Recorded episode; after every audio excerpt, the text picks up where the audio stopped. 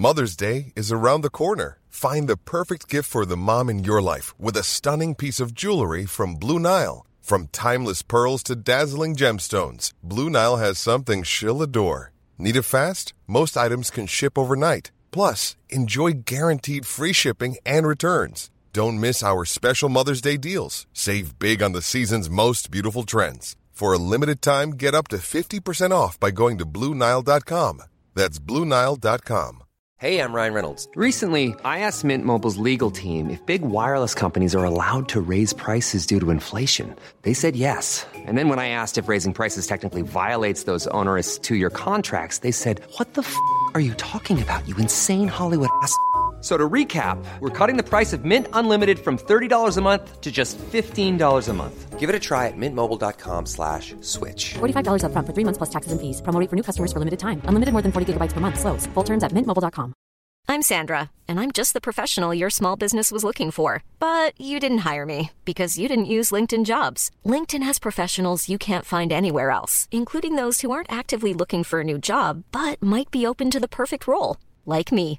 In a given month, over 70% of LinkedIn users don't visit other leading job sites. So if you're not looking on LinkedIn, you'll miss out on great candidates like Sandra. Start hiring professionals like a professional. Post your free job on linkedin.com/people slash people today. Drible vekk.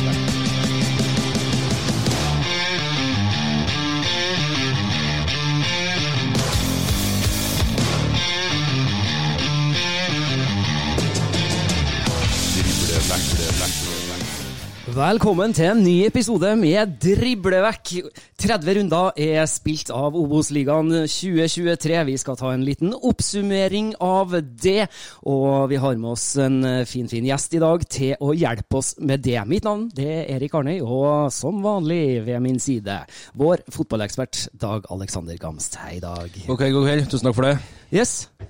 Obos-ligaen har levert. Ja, altså til de grader. Eh, nesten mer enn det vi kunne ha bedt om òg, ut ifra utgangspunktet vi hadde i, i mars-april her. Og det levde helt inn til the bitter end, eh, både i bånn og med tanke på fordeling på, på, på playoff-plass her. Så det Nei, det var helt, helt enormt, og det kok, kokte bra på, på søndag.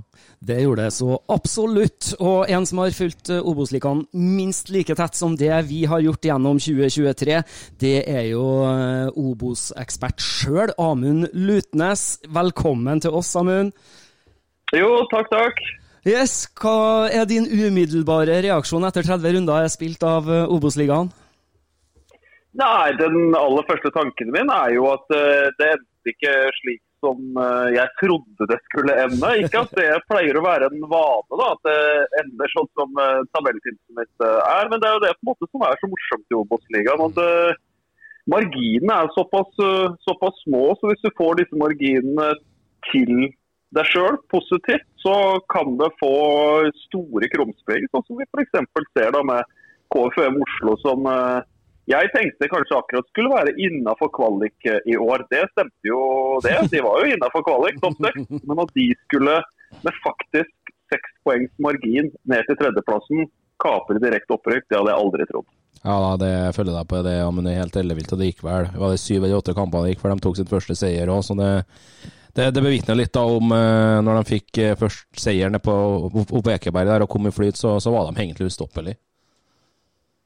Ja, det, det var de virkelig. Altså. De er jo et eh, lag som ikke har noe spesielt press fra omgivelsene. Og når eh, et eh, lag blir plassert på sjette, sjuende, åttende plass på et tabelltips, så er det jo ingen som tenker at de er noen trussel noe, noe sted. Og det har jo KFUM klart å bruke til det ytterste, egentlig. at bare tenkt, tenkt på seg sjøl, tenkt på utvikling, tenkt på å gjennomføre gode overganger. Kan være stolt av spillere de sender ut av klubben. Og det er jo I Obos-ligas standard så er jo dette KFM Oslo-laget et mønsterbruk. Ja da, det, det, det, definitivt. Det er bare å, å, å se og lære. Eh, For, for din egen del, da, hvor var du på match sjøl i går? Var du, var du i studio? I går så var jeg i studio og fikk eh, se at eh, Jerv avslutta sesongen etter 30 kamper som det nest svakeste laget i Obos-ligaen. Det var på en måte den den store overskriften i, i går. da, Og at uh, Bryne så vidt uh, karra seg inn på, på topp seks. Det var liksom de to, de to overskriftene fra, fra uh, rund, den uh, siste runden. Men uh, den desidert største nyheten da, er jo at Jerv tar tur ned i Post Nordligaen, et sted de ikke har vært siden, siden 2014. Ja da, definitivt. Eh, Vi skal egentlig komme kjapt tilbake til, til, til Jerv her, Arne. Vi kan jo egentlig bare starte i bånn. Ja, vi kan jo det. For eh, det er jo som du sier, en, en eh, skikkelig nedtur eh, for eh, Jerv. Og ikke bare ett nivå, men to nivå på, på to sesonger. Så, så det er ikke noe tvil om at eh, det er nedtur for dem. En annen klubb som har hatt en ganske stor nedtur i 2023, må jeg jo si er laget som havna på den aller siste plassen, nemlig Skeid. Og de klarte jo da i siste runde av Obos-ligaen 2023 å gå på et tap 0-5 for KBK. Ja da, de gjorde det, og de har egentlig vært sjanseløse siden tidlig høst. der eh, Båndnoteringa, all respekt for Åsane, men når de tapte, var vel 1-3 der hjemme for Åsane, og da, det var vel egentlig starten på slutten for det her eh, Shade-prosjektet. Amund, eh, du da hadde jo dem, vi hadde dem litt høyere opp, opp på tabellen i, driblevekk, men her var det skuffelse fra, fra start. Ja, Anders Skeid har levert en kjempeskuffende sesong. Jeg tenkte at de hadde muligheten til å bygge videre på veldig mye av det, det gode spillet. og mange av, de, mange av de samme spillerne tok jo de også med inn i den nye, nye sesongen. Så Skeid har vært kjempe, kjempeskuffende. og Gard Holme som eh, gir seg eh, midt i, midt i sesongen for å rett og slett føler at uh, her får ikke jeg noe mer ut av uh, denne troppen. her, og Arne Erlandsen kommer inn og ja, klarer egentlig ikke å snu rundt på, på noen ting. Men da kan vi se her i Obos-ligaen hvor mye enkeltspillere har å si. da. Vi så jo eh, Fredrik Bergli i går kjempa iherdig i Sandefjord-forsvaret mot, mot Rosenborg. og Det var en spiller som var veldig viktig for Skeid i fjor. Og ikke minst også en annen spiller vi har sett herja i, i eh, Eliteserien, er jo Jakob Napoleon Romsås. Hvis du tar de to spillerne ut av eh, troppen, så tydeligvis så hadde det en veldig mye større effekt enn jeg trodde. For det som var egentlig min tankegang med Skeid i år, var jo at de hadde fått en mye bedre bredde i troppen sin. Og jeg tenkte at uh, her er det såpass mye å, mye å bygge videre på. Så jeg tenkte kanskje at de skulle stige litt på tabellen, ja. men uh, som du sa da, at dette Skeid-laget føk jo som et blylodd ned til bunnen av tabellen egentlig, egentlig helt fra starten. Og har egentlig hele tida vært i bånn. Ja da, tre seire ble det denne her sesongen. Ble vel en hjemmeseier der mot Sandnes Ulf under Arne Erlandsen, og så slo de vel Ranheim her oppe i Trondheim. og eh, Nei, det der var, var, var skuffende. Vi hadde dem på kvalikplass vi Arne, før, før, før seriestart, og vi bomma med to plasser. Det gjorde vi så absolutt. Eh, Hva tenker du Amund, om eh, Skeid sin reise videre? da? Nå, nå skal de ned i Post Nord. Ser du det at de har en mulighet til å komme seg opp i Obos igjen på den sesongen? Ja, Det er jo mange eksempler på lag som eh, går ned og blir eh, lenge på nivå tre. For at Hvis du skal rykke opp fra Post Nordligaen, da skal du så å si nesten levere en perfekt sesong. Bare se på, se på Lyn f.eks., hvor nære de var et eh, opprykk. Se hvor mange år Arendal og kava nede i Kava nede i Post Nordligaen. Egersund nå, ikke sant. Mange sesonger på rad. Kjempa helt i toppen, men akkurat ikke knekt, knekt koden da, før, før i år. Men et, eh, et Skeid-lag tenker jeg at det er eh, er automatisk en sånn topp fem-lag i Post Nordligaen til, eh, til neste år. Det er jo et helt spesielt sted i Norge å drive fotballklubb òg, i Oslo. Det er jo så utrolig mange talenter. Skeid også en, en klubb som har litt penger. Det er en, det er en solid klubb, uten at de betaler noe sånn elleville summer for, eh, for lønn. Men eh, utstillingsvinduet er jo ikke i nærheten av så godt som det er i Obos-ligaen, i eh, Post Nordligaen. Så jeg vil jo tro at det blir litt eh, back to basic for uh, Skeid. Satse, satse på mange unggutter og være egentlig det som Skeid er best på. Også være en utviklingsklubb for, for unge Oslo-gutter. Må vel ut på trenerjakt, og sikkert. Det var, det, var, var vel ut sesongen Arne Ellansen skrev kontrakt. Ja, i utgangspunktet så står Skeid uten, uten hovedtrener nå. Gjør det. Hvis vi da beveger oss eh, videre fra Skeid og til plassen over, som også da endte med nedrykk. De havna faktisk hele 17 17 poeng foran eh, Skeid og, og, og runda 30 poeng. Altså, altså 31 poeng endte de på, på 15.-plass. Jerv, som altså da tapte sin siste match da mot Fredrikstad, og det ble bare 1-0. Det vi snakka litt om det før vi, før vi, gikk på her, at den matchen siste runde i Fredrikstad skulle være en toppkamp. Kanskje det som skulle avgjøre opprykket òg. Eh, det ble det jo så til de grader ikke. Det endte med nedrykk, som vi var inne på, på, på, på i starten her. og Du har jo fulgt det her Jerv-laget, Amund, egentlig over flere år. og denne båndnoteringa, den, den, den, den, er brutal. Kan jo egentlig oppsummere hvordan du har fulgt det her Jerv-laget, og hvor, hvor gikk det galt igjen? Nei, Jerv eh, kom jo inn som et skudd i Obos-ligaen i, i, 2015 og hang med i toppen i, i to år. Og traff veldig på spillelogistikken. Hadde hatt mange spillere som hadde vært med opp gjennom mange år. Før det ble noen år med bunnkamp for Arne, Arne Sandstø og Jerv, før da denne spinnville kvelden på Intility hvor man slår Brann og plutselig mot alle odds er en eliteserieklubb. Men det som man kan se på litt bak tallene på dette, dette Jerv-laget, man gikk jo inn i en eliteseriesesong vel vitende om at vi er jo ikke et eliteserielag. Vi er det på papiret, men vi er, har jo ikke noe eliteserietropp. De fikk jo så vidt skrapa sammen laget sitt til uh, seriestart i Eliteserien. Bytta om så å si hele laget i sommerpausen.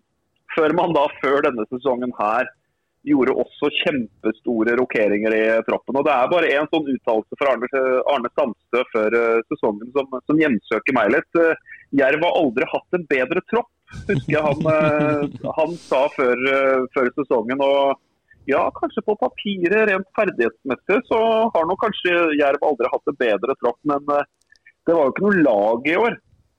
Det er jo det som har felt dette Jerv-laget her. Har, de, har ikke, de, har ikke, fremstått som et, som et, lag. og Det var jo sånn som Lars Bohin også sa etter siste kampen uh, i går mot, uh, mot, Fredrikstad, hvor han innrømte da at å komme i dette jervlaget her, det var jaggu ikke lett. Her var det veldig mange forskjellige grupperinger. Det var ikke en klubb og en gjeng som dro i samme retning. og Da får man som regel som fortjent. og Det er jo også veldig spesielt at man henter inn en ny trener som skal være mannen som skal ta klubben inn i framtida. Gir han en treårskontrakt, og så er han ferdig etter tre måneder. Jeg tror nesten aldri jeg har sett det før i en, eh, i en eh, toppklubb på det nivået her. At eh, man, man rett og slett er bare som en sånn svingdør. Da. Du, så vidt du har kommet inn døra, så er du, så er du på vei, vei, ut igjen. og Rett og slett en trist dag for Grimstad-fotballen. Et, et område òg som har hatt liksom en litt oppblomstring av uh, talenter ikke sant? når man får lov å være med i en sånn nasjonal, uh, nasjonal, liga. Begynner liksom å se så smått at det begynner å dukke opp litt talenter fra, fra nærområdet. Men nå døttes jo de ut av denne nasjonale ligaen. og nå kan det godt hende at mange av disse unge spillerne som skal være framtida til Jerv, kanskje finner på å dra til, uh, dra til andre steder. F.eks.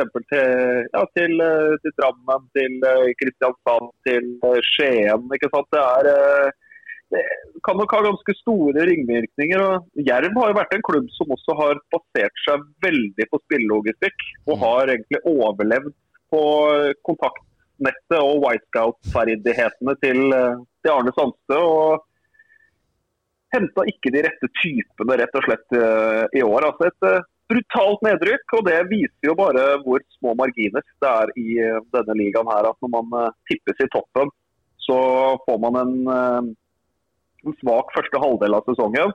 Hvor man ikke helt er der man skal være. Og så får man rett og slett bare en fiasko en siste halvdel av sesongen hvor det til slutt ender med at man bare har Skeid bak seg på tabellen. Det er brutalt. Det har ikke skjedd siden 2008 mm. at et lag går fra Eliteserien så vidt innom Obos-ligaen og så ned på nivå tre. Nei, realiteten den er brutal, som du sier. Det er, det er en skikkelig, skikkelig nedtur for Grimstad-laget. Ja, vi hadde, jo, vi hadde, jo, besøk av Jon Olle Reinhardsen her for en 14 dagers tid siden. snakka vi litt økonomi, vi snakka klubbdrift, vi snakka litt uh, scouting. ikke sant? Og da, da, da, går det litt på det at ja, litt under Anders Hansen-tida skulle nedover og eller, Jeg vet ikke hvor de skulle, de skulle i hvert fall ved å se på en spiller, og så endte med at de ikke klarte å, å, å, få til logistikken så at de kunne dra ned og se på spilleren, og så har de hatt en speider fra Ukraina, tror jeg de han eh, sa. Så det har vært mye, mye rør da, i denne Grimstad-klubben. De har en formidabel oppgave foran seg nå inn mot neste sesong. Reinhardsen mente vel at det var i hvert fall 12 mi millioner differanse nå på PostNord og Obos. Eh, Hvis at du nå da har vært daglig leder, eventuelt en trener, og i det Jervedaget, ja, men hva, er det du ville tatt tak i? Jeg må jo rett og slett bare renske opp i den troppen her og finne ut eh, hvilke spillere er det som virkelig vil være med å ta i tak i Post Nordliga til eh, neste år. og så er det jo en del av disse spillerne i Jerv som eh, sitter på lengre kontrakter, som det er eh, mest sannsynlig litt uh, interesse for, som man kan gjøre litt uh, penger på. for at uh, man må jo få dette budsjettet til slutt til å, til å gå opp, samtidig som man skal ha et slagkraftig lag. For uh, Jerv sitt soleklare mål til neste år er jo at de skal rykke direkte opp igjen.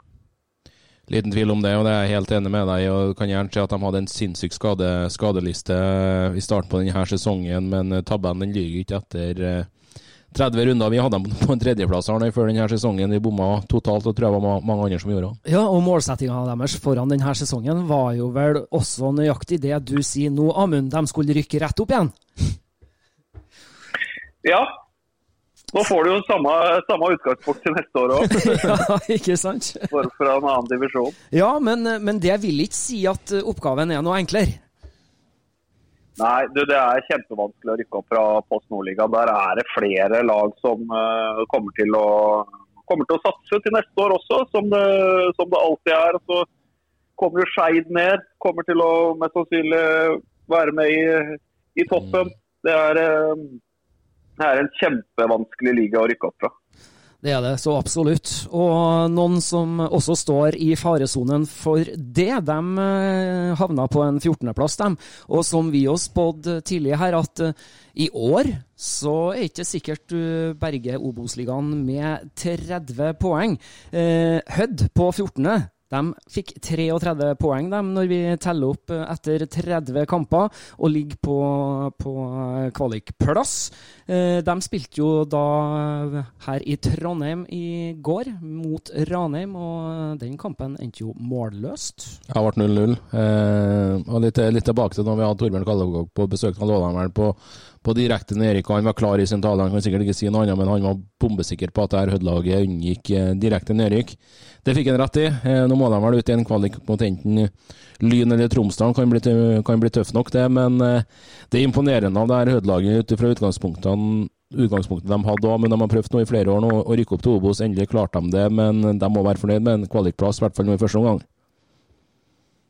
Ja, nei, det var nok det som var noe av målet til, til Hødd. er jo rett og slett bare å, bare å, å holde seg med en ganske primitiv uh, spillestil som, som, de har hatt. og Hvis dette her ender med at de holder plassen i Obos-ligaen, så er det jo en kjempe, kjempesuksess for, for Hødd. Vi hadde dem jo på direkte nedrykk, vi hadde dem faktisk helt sist. og Arne, nå er de på, på en kvalik.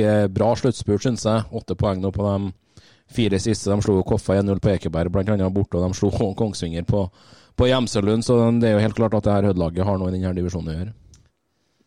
Det er det så absolutt. De spilte jo som sagt målløst da mot Ranheim her i går, og endte da på den, den spennende 14.-plassen, om vi skal kalle den det. Hvordan tror du det her Hødd-laget står mot Tromsdalen i Lyn Amund?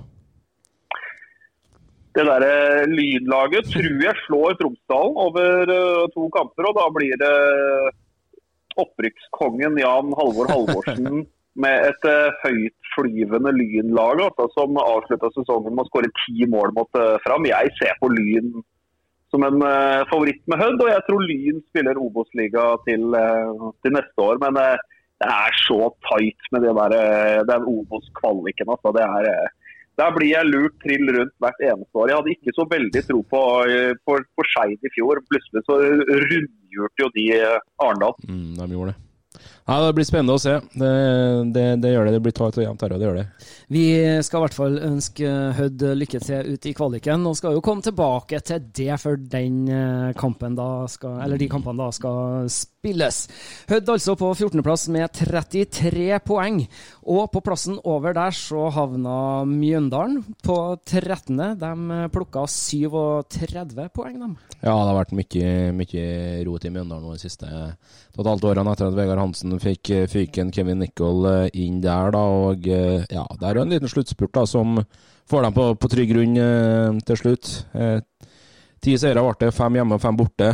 14 poeng da, på de ti siste bevitner om en, en, svak første halvdel. Eh, hva var dine forventninger til det her Mjøndalen-laget før vi, før vi sparka i gang i april? Nei, liksom Midt imellom, tenkte jeg. Jeg hadde de på en tiendeplass på mitt eh, tabelltips. Så de er jo egentlig litt svakere, svakere enn det. Da hadde jo en veldig god spiss første halvdel av sesongen i Kristian Strømland Lien, som virkelig, virkelig leverte. Men en eh, litt sånn rørete sesong hvor eh, Mjøndalen ikke ordentlig har klart å ta skikkelig tak i den sesongen her. Eh, egentlig vist at de har ikke nok X-faktor-spillere til, til, å henge med i toppen, og da taper man mange mange jevne kamper. Men da har jo på en måte dette Mjøndalen-laget fått uh, to uker med litt sånn hvile, da, hvor man har holdt plassen både med rekruttlaget og med, med A-laget. For det var jo faktisk en reell fare for at dette Mjøndalen-laget kunne ta tur ned til uh, nivå tre. Ja, Det er utrolig viktig for dem. Og det er også viktig for Mjøndalen at de er i Obos-ligaen. Det er viktig for norsk fotball. Vi hadde dem på en niendeplass eh, før denne sesongen vi, i Driblevekk. Sterk avslutning. Eh, mange har jo sagt til oss gjennom denne sesongen at, at uh, Fosshaugane kanskje har vært en av de vanskeligste bortebanene. De uh, avslutta sesongen med uavgjort mot Leda, Sogndal. 1-1 endte. Mm. Ja, det, det er knallsterkt, og det, vi var litt inne på det vi òg før rundens spesial der, Erik. At uh, vi så for oss et poengtap for et formsvakt Sogndal-lag, og Mjøndalen benytta seg av, av muligheten og vippa òg Sogndal ut av utenfor kvalik, som skal komme litt mer tilbake til. 13.-plass Mjøndalen med 37 poeng, og de var eh, slettes ikke det eneste laget som endte på 37 poeng, for det gjorde eh, plassering nummer 12 også. Vi eh, snakka med trener Morten Røsland før denne runden, og var skjønt enig med han om at det her lå i deres egne hender, og den greip dem i siste match.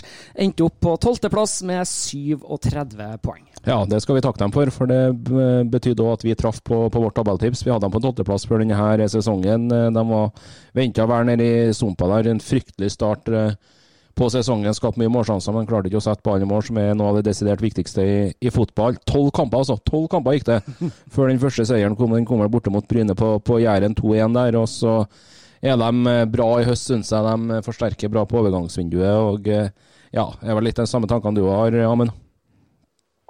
Ja, nei, Det var jo dette overgangsvinduet i sommer som på en måte redda, redda Åsane. En eh, start på sesongen hvor de tapte bare jevne kamper hele tida. Tapte så vidt så mange ganger, dette Åsane-laget. og og kava helt i bunnen. og Jeg tenkte bare sånn, ja dette her er kanskje året hvor eh, Åsane faktisk uh, må ta turen ned. Da. Men så kom jo Biggen inn da, og redda dette Åsane-laget her med Kristoffer Barmen, Kolskogen og Steffen Lie Skålevik. og det i seg sjøl, inntreden av de, har jo heva de, de, andre på laget òg. Så de ender på en respektabel eh, tolvteplass uh, for en uh, for en uh, klubb som det er kjempeviktig å være i Obos-ligaen uh, for. Sånn rent uh, økonomisk å kunne bygge opp under denne nummer to-klubben mm. i, i, Bergen. For at, mm. som jeg pleier å si, det er ikke fotballinteresse i, i Bergen, det er branninteresse.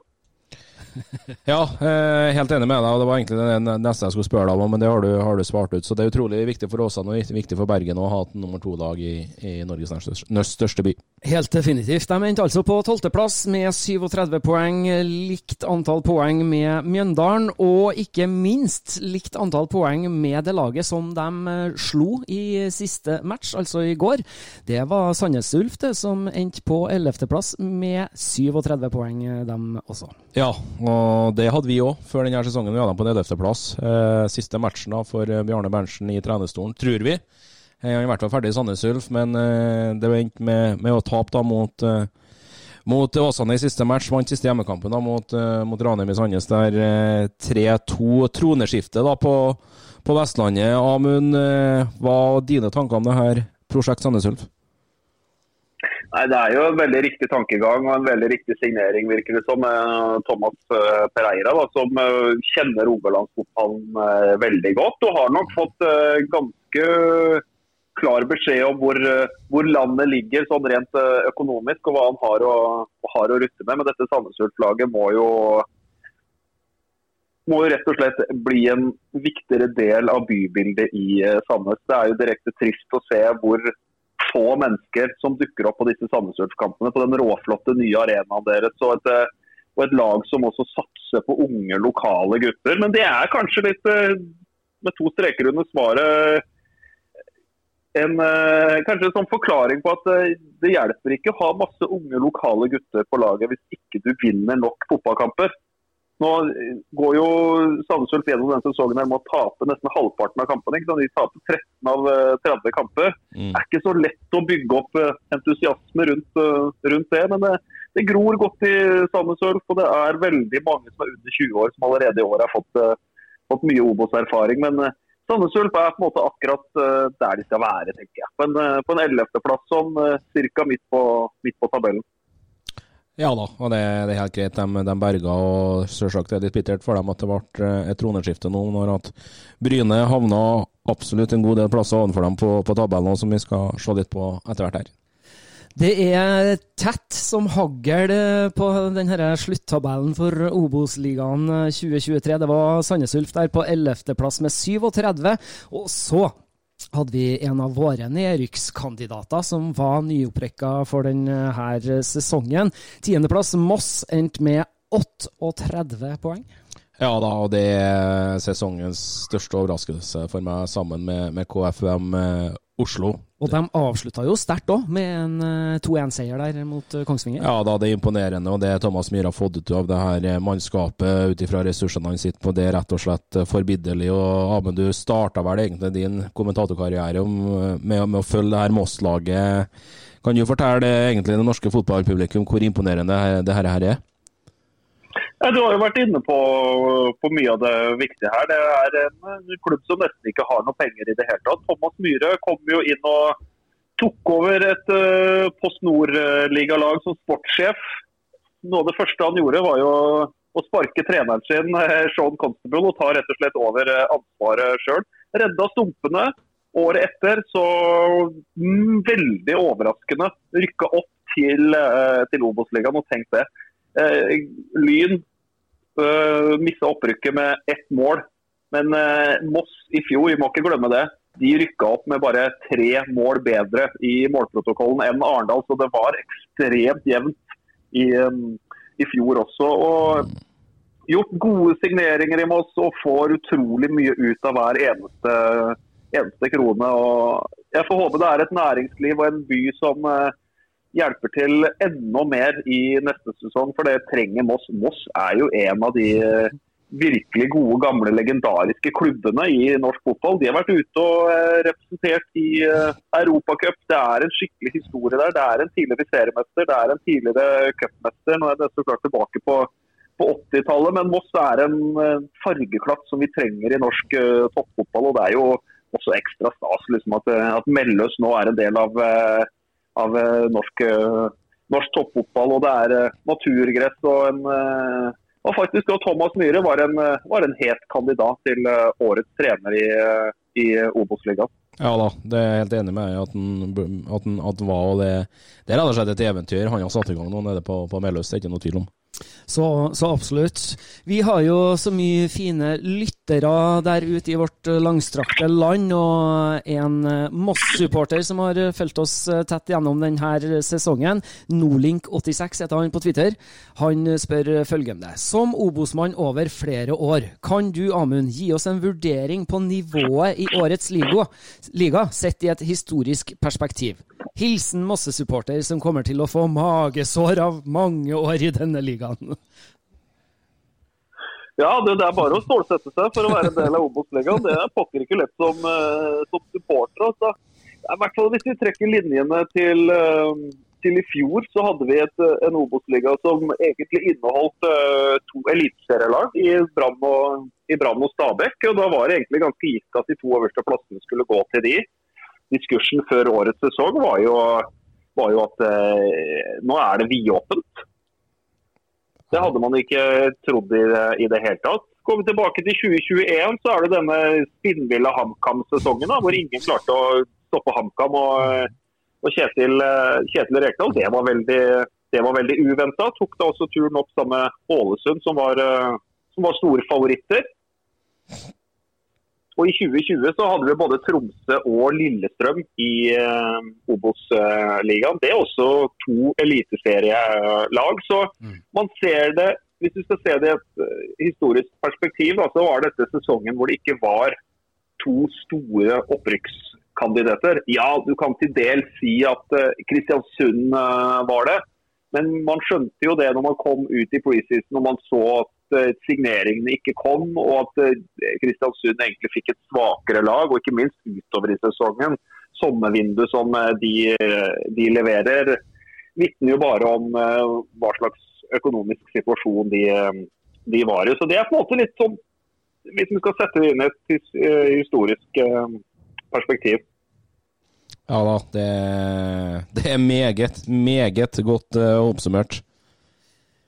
Det var altså Moss da, som eh, vi lar oss eh, sjarmere og imponere av uh, i år, som, som kapra den der tiendeplassen med, med 38 poeng. Ja, vi hadde dem rett ned, vi. Vi hadde, vi, vi, vi hadde. hadde. På lik poengsum så havna lag nummer ni for Obos 2023. Det var jo et Raufoss-lag det som, som spilte mot Bryne i sin siste match, og gikk på et 0-1-tap på hjemmebane der. Endte altså på niendeplass med 38 poeng. Ja, det syns jeg er utrolig imponerende. Eh, de var dømt eh, nord og ned før denne sesongen av de fleste. Lite ressurser oppe på Toten òg. Eh, Mista mye gode spillere. Mista treneren før denne sesongen i Christian Johnsen, som etter hvert da ble Ålesund-sjef, assistenttrener fra, fra Sverige, Jørgen Vollemark, overtok, og de imponerte. 20 av 38 poeng tok de mot topp seks-lagene. Tar du bort Bryne, så tok de 23 av 38 poeng mot, uh, mot topp seks-lagene, hvis du bytter Sogndal og Bryne på den plasseringa. Uh, jeg var så dem la mot KBK borte. Imponerende. Først og fremst den defensive strukturen, organiseringa de har i laget. Så har de noen X-faktorer i sveitsiske Louis Metler og en Markus Jonsgaard som skal spille eliteserie for, for, Tromsø neste år, som uh, er solid og har vært en meget bra spiss. Og så har de en Andreas Helmersen også i, i, i bakhånd her. Ja, nei, Jeg var veldig spent på hva slags utgave vi ville få av Raufoss. For jeg tenker at Når Kristian Johnsen dro fra Raufoss, så mister ikke bare treneren sin, de mister også mye av uh, identiteten sin de siste åra. Vi så jo et Raufoss-lag i år som, uh, som, la om formasjonen, f.eks. For og har levert en kjempebra sesong av dette Raufoss-laget med den økonomien og den beliggenheten og den størrelsen på klubben ender eh, topp ti i Obos-ligaen, syns jeg er, eh, er, kjempeimponerende. Viser igjen at det fortsatt har veldig god teft på overgangsmarkedet. og jeg, jeg tror ikke Loris Metler er uh, Raufoss-spiller så, så, veldig lenge. Om Man traff f.eks. med Haruna bak i forsvar. ikke sant? En, uh, en bauta bak der. Lauli har stått bra bakerst. Du nevner Helmersen. skåra um, skåra bra, bra, med mål og fikk jo også, må ikke glemme det også, at de hadde jo en, et cupeventyr òg, ja. hvor de kom, kom langt, i, langt i cupen. De var jo ikke langt unna en, en semifinaleplass. Den var jo Kjelsås som ja.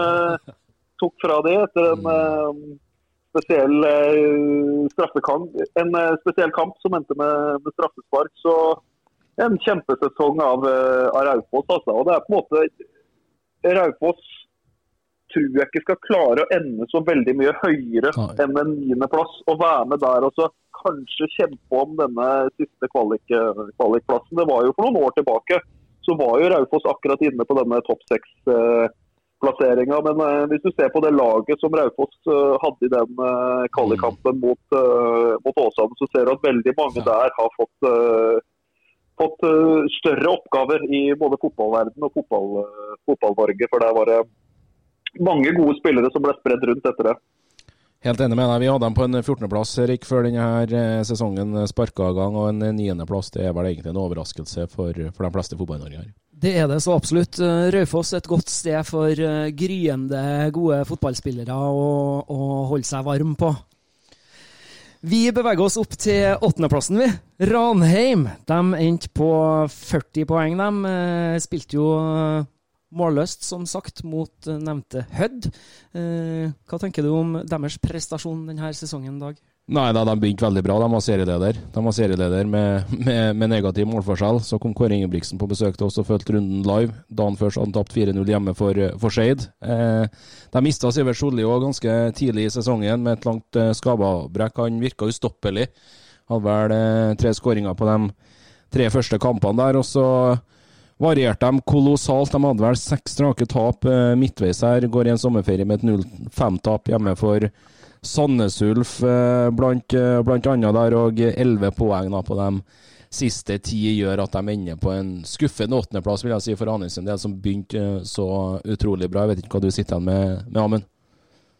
Det, det første jeg tenker på denne sesongen her, det er jo for Ranheims del så utrolig mye mål de har sluppet inn. Er enormt mye baklengsmål. De ender på en åttendeplass med 17 minus i uh, målprotokollen. Det er uh, brutalt. Men Ranheim er på en måte akkurat der jeg tenkte de skulle være. Skulle være med og, og kjempe om kvalik, men at jeg trodde de skulle eh, dette akkurat utafor kvaliken. og det, det, gjør det. Men det er jo interessant å se på dette Ranheim-laget. Hvis du ser på spesielt uh, sommervinduet, nå er det et skikkelig generasjonsskifte. altså i uh, Ranheim. Nå har de en trener som de skal ha en stund uh, framover. Pål André Helland er på vei inn i klubben. Mikke Karlsen skal også få en uh, tettere rolle inn mot uh, A-laget. Christian Eggen Rismark, også ryktet, skal inn i, inn i trenerteamet. Så jeg tror dette Ranheim-laget er på vei mot en, uh, mot en interessant fremtid. Og denne gjengen med Erik Tønne og Kristoffer Løkberg og Mats Reginiussen og mange av disse som, som, var med så veldig mange år. Den generasjonen der begynner nå å gi seg. Der har du også, og, også Christian Eggen, Eggen Rismark. Ja. Det, er et, det, er et, generasjonsskifte nå som vi, som vi, ser i Ranheim. og De er aldri, de er aldri lette å, å gjennomføre på en, på en, smooth måte. så dette Ranheim-laget tenker jeg går inn i 2024 med, med ganske blanke ark. og skal eh, bygge videre, videre for, eh, for fremtida. Jeg tror nok vi også kommer til å se, se flere eh, utskiftninger i denne mm, Ranheim-leiren. Ja, da, det er jeg helt enig med deg. og De forlenga jo kontrakten med Kåre Ingebrigtsen ganske tidlig denne sesongen etter den pangstarten de fikk. Så det er jo på en måte rutiner i Kåre og eventuelt en egen Rismark inn her som assistenttrener. og Pål Helland, Mikkel Karlsen med flere da, som skal inn rundt i laget. Så får vi se med et generasjonsskifte for Ranheim. Det må de gjennom. Og så får vi se da hva, hva det kan bringe inn i 24-sesongen. Ranheim på åttendeplass der med 40 poeng. Og det siste laget der da som eh, så veldig gjerne skulle ha befunnet seg i en eh, kvaliksituasjon, men endte på en eh, sjuendeplass. Det er Sogndal med 43 poeng. Ja, det gjorde de for andre året på rad. Det var derfor vi satte dem på, på en sjuendeplass. Så vi traff, traff, på den. Men fiasko har jeg skrevet i boka mi, uh, ut ifra mannskapet. Jeg mener, mener at det her Sogndal-laget, når de var virkelig gode i år, så hadde de det desidert høyeste toppnivået i, i Obos-ligaen. Men som i fjor, så sprekker de da på, på slutt. Ni poeng, altså. Ni poeng på de siste ti. Det og 1-1 hjemme mot Mjøndalen i går, det, det er ikke noe annet enn skuffende der, her, Amund? er kjempeskuffende sesong for, uh, for Sogndal. Altså, jeg husker jo etter, etter halvspilt så hadde de ordentlig heng på uh, direkte opprykksplass. og jeg tenkte Når de gikk inn i overgangsvinduet, bare, så tenkte jeg at hvis dette Sogndal-laget her nå klarer å minimalt styrke seg og ikke svekke seg ved å selge flere av sine beste spillere, så kan det her faktisk være sesongen for Tore André Flo. Men uh, Siste halvdel av sesongen har uh, dessverre for uh, Sogndals del vært uh, veldig skuffende. Nå kunne jo lese nå i Sogn Avis at veldig mange spillere er på vei ut. Det er litt økonomiske utfordringer i den klubben der. Men det er viktig også å ta med i regninga her at Sogndal har solgt veldig mange spillere som de bare venter på betaling for. Så det er ikke sånn at det er kroken på døra på Fosseigane campus. Men det er fort mulig at eh, flere av de beste spillerne deres i år nå blir solgt i vinter. og Så virker det litt som på Tore André Flo at han teller litt på, på knappene da, inn mot en uh, ny sesong. Han går jo inn i sitt uh, siste kontraktsår fra vi kommer over, uh, over nyttår nå. Så det er en del ubesvarte spørsmål, syns jeg, rundt Sogndal enn så lenge. I det man da akkurat har lagt bak seg en, er en veldig skuffende sesong da, og akkurat ende, ende utafor uh, kvalik og ikke får muligheten til å, til å møte Start i den uh, første kvalikkampen. Du sier jo det er et uh, ubesvart spørsmål. Vi har jo prøvd å besvare et spørsmål vedrørende Sogndal gjennom hele denne sesongen, og vi har jo også utfordra våre gjester til å gjøre det. Nå skal vi svare vår kjære lytter Olai Årdal, som har spurt oss så uendelig mange ganger gjennom denne sesongen. Rykker Sogndal opp? Olai? Nei. Vi skal bevege oss opp til dem som skal ut i kvalifisering, vi. Mother's Day is around the corner. Find the perfect gift for the mom in your life with a stunning piece of jewelry from Blue Nile. From timeless pearls to dazzling gemstones, Blue Nile has something she'll adore. Need it fast? Most items can ship overnight. Plus, enjoy guaranteed free shipping and returns. Don't miss our special Mother's Day deals. Save big on the season's most beautiful trends. For a limited time, get up to 50% off by going to BlueNile.com. That's BlueNile.com. There's never been a faster or easier way to start your weight loss journey than with PlushCare.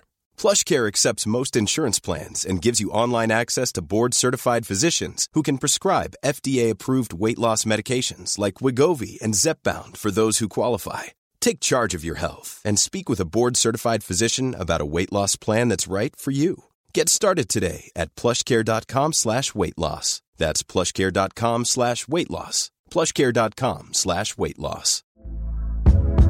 Hey there, it's Michelle Norris. I'm host of a podcast called Your Mama's Kitchen. When I travel, I'm usually looking for a way to find a taste of home when I'm not at home. And one of the things I love to do when I am at home is entertain. And Airbnb allows me to do that. When I was in California recently, I rented a house that had a great kitchen. And when we were sitting around the table, we were all thinking, we're in someone else's house. Someone could be in all of our homes as well. If you have a home, but you're not always at home, you have an Airbnb. Your home might be worth more than you think. Find out how much at airbnb.com/slash host.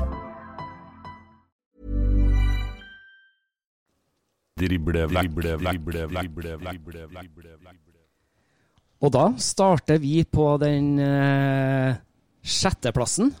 Ja da. Med det laget som skal få lov til å, å spille flest, forhåpentligvis, kamper for, for å prøve å komme seg opp i Eliteserien. Det var Bryne, det. Sjetteplass med 44 poeng. Ja, det er utrolig imponerende. Eh, Vi spådde vel at det kom til å bli et lite troneskifte nede i, Rogaland. her. Det, det ble det, og det ble det òg for så vidt eh, til, til gangs. Den høyeste tabellplasseringa til det begynnerlaget siden 2007.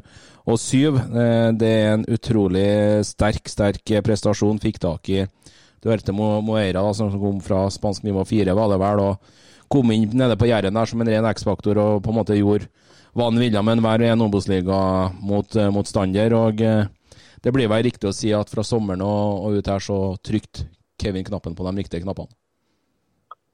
Ja, virkelig. Altså. Kevin Knappen har eh, gjort en kjempejobb. og det der tror jeg man også ser litt hvor nyttig det er å være en rutinert trener som Kevin Knappen, som har vært med i flere klubber, har vært i mange år nå. Han er vant til å stå litt stormer. Han sto i storm i, i Hamar. Han har vært i Hødd tidligere, fått eh, kjenne litt på, på presset der. og Det er ikke noe som skal underkommuniseres i toppfotball i det hele tatt. Det har veldig mye å, å si. Han eh, har eh, gjort også en liten, liten formasjonsforandring denne sesongen her. da. Truffet på eh, signeringer, beholdt roen og får veldig godt betalt for det. Eh, nå mot, eh, mot slutten av sesongen hvor man klarer å prikke inn to seire. da Man eh, kniver til seg en seier oppå Toten, kjempeimponerende. Og så ødela man nok eh, ekstra mye selvtillit i dette Sogndal-laget da man slo de i siste hjemmekamp på, på Bryne stadion. og Går jo inn i denne kvaliken da med eh, ikke noe favorittstempel i, i det hele tatt, altså. Det er en, en skikkelig, eh, skikkelig underdog i denne mm, kvalikreisen som eh, snart, eh, snart begynner. Men eh, det kan det kan kanskje slå begge veier. Det. Tenk om vi skulle få et, et Bryne-Vålerenga f.eks. i en, et kvalikdrama. For Vi husker jo alle denne kvalikreisen til Kongsvinger i fjor. Den var jo helt ekstrem. og Det var det ingen som forutså i det hele tatt. Selv om jeg tror det blir bom stopp i første kvalikkamp mot Start. Ja, Uansett så er det utrolig imponerende av det her eh, Bryne-laget. Det, det skal ikke ta fra dem. Og så kan vi jo nevne at Kevin Knappen har jo signert det vel ut 26-sesongen i jubileumsåret til, til Bryne da nede på gjerdet. Så det er viktig for dem.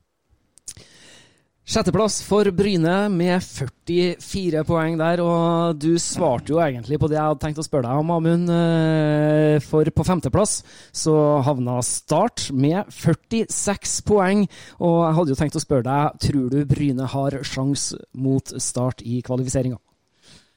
Nei, jeg tror virkelig ikke det. Altså. Start er storfavoritter. og det er jo Mr. Jekyll and Hyde-laget i Obos-ligaen i år. De er det beste hjemmelaget i, eh, i ligaen. Tenk det. Start tapte én kamp hjemme, fire uavgjort og ti seire.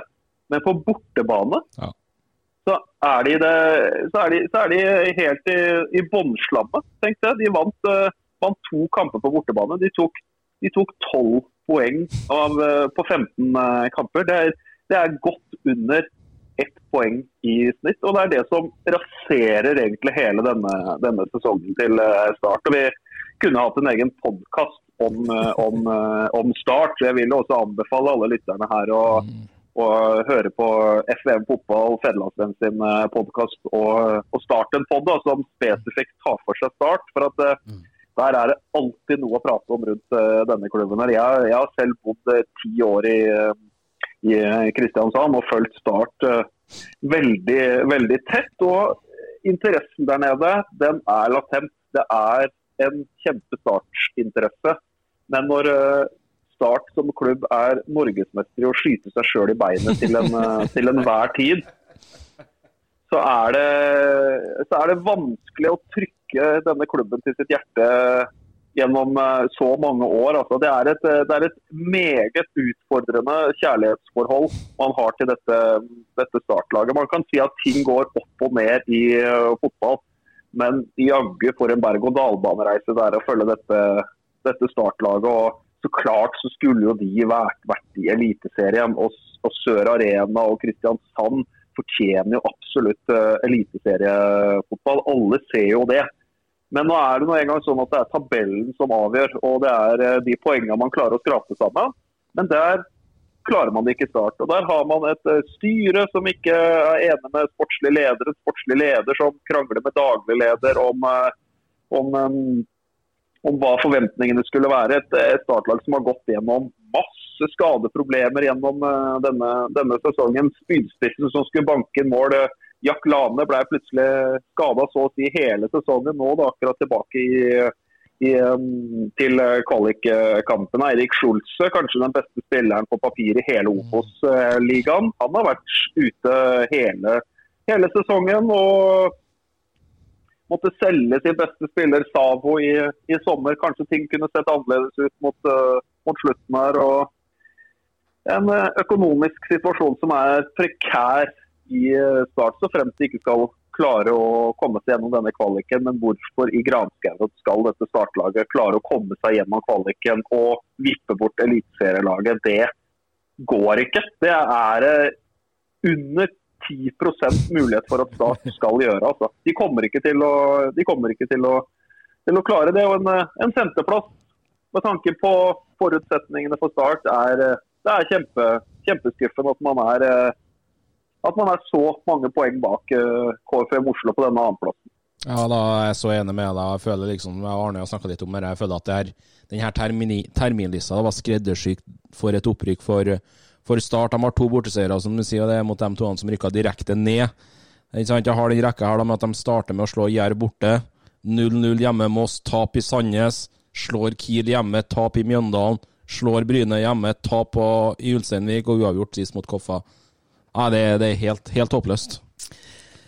Du eh, mener jo det, at vi ser ikke start i Eliteserien eh, neste år, Amund. Men eh, spørsmålet er jo hvor ryker de? For de endte jo på en femteplass, som nevnt, med 46 poeng. Og på plassen over, fjerdeplass, Kristiansund ballklubb med 50 poeng.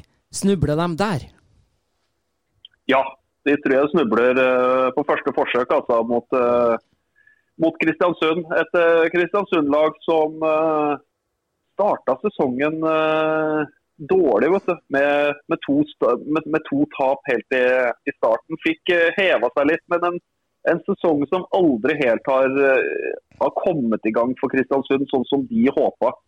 Nå er man faktisk hele åtte poeng bak et direkte opprykk. og Det er egentlig ikke noe annet enn å si at det er, er kjempeskuffende. Jeg var innom det litt, litt tidligere, men med en spillelogistikk som man ser at uh, her er ikke så veldig mye penger. Her må vi spare, og så må vi selge unna det vi kan. og Vi har alle, vi har alle sett hvor, uh, hvor, god Kartum har vært etter sin inntreden i, i Brann. Moses Mava spiller eliteseriefotball for, uh, for HamKam. Det er to spillere ut.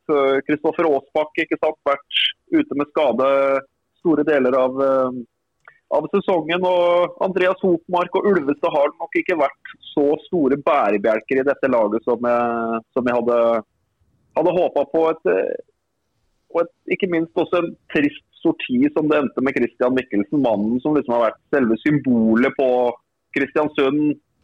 Ble eh, rett og slett eh, sparka etter eh, svake sportslige resultater. En avgjørelse jeg tenker var, var rett selv om det så klart er ekstra vanskelig å sparke ut sin lokale trener som har vært trener i så mange år i Kristiansund. og Ikke minst etterspillet etter dette her, da, som uh, kjenner jeg ikke helt detaljene der, da, men man er jo ikke helt enig etter denne sparkingen sånn rent, uh, rent juridisk. og Det henger jo liksom litt over, uh, over klubben og en, en by som svetter og ånder og blør for Kristiansund. for det er jo ikke det er ikke store byen eh, Kristiansund, og KBK er en eh, veldig viktig identitetsfaktor på, på Nordmøre. Det er det så absolutt, og, og, en som kan svare oss litt på det her, er jo faktisk han som står ved siden av meg også. For uh, eh, vi var jo en runde ned i Kristiansund eh, den 5. august og gjorde en livepod der. Da var jo enda Christian Mikkelsen uh, KBK-trener. Mm. Uh, det varte ikke veldig lenge etter den tid, men, men, du Dag Aleksander, du har jo vært en del ned på Nordmøre i år, både som, som kommentator og, og tilskuer, skulle jeg til å si. Ja da, og det endte jo med at Amund Skire tar over det her, eh, her laget. En utrolig fin fyr. De har fått inn i Amund. Eh, Lager om til en 4-3-3-formasjon. Eh, elleve eh, matcher med han som trener. Kun to tap, begge på hjemmebane. da. Siste hjemmematch mot Raufoss nå, 2-1, og så taper de fullt fortjent mot, eh, mot eh, Koffa. Eh, Ubeseira på bortebane, da, med, med andre ord avslutter med 5-0 mot Skeid på Hønefoss. Men eh, det Elveren til, til, KBK er bra, men som Amund er inne på her, de må få inn enten Jahl eller Hopmark igjen og inn på den sentrale midtbaneposisjonen. Rakneberg røyk tidlig mot, uh, mot Raufoss, inn med Williamsen som en sideback, litt ut av rytmen. Taper mye på det, men uh, hvem uh, tror, du, tror, du, det her KBK-laget tar Kongsvinger i en playoff, da, Amund?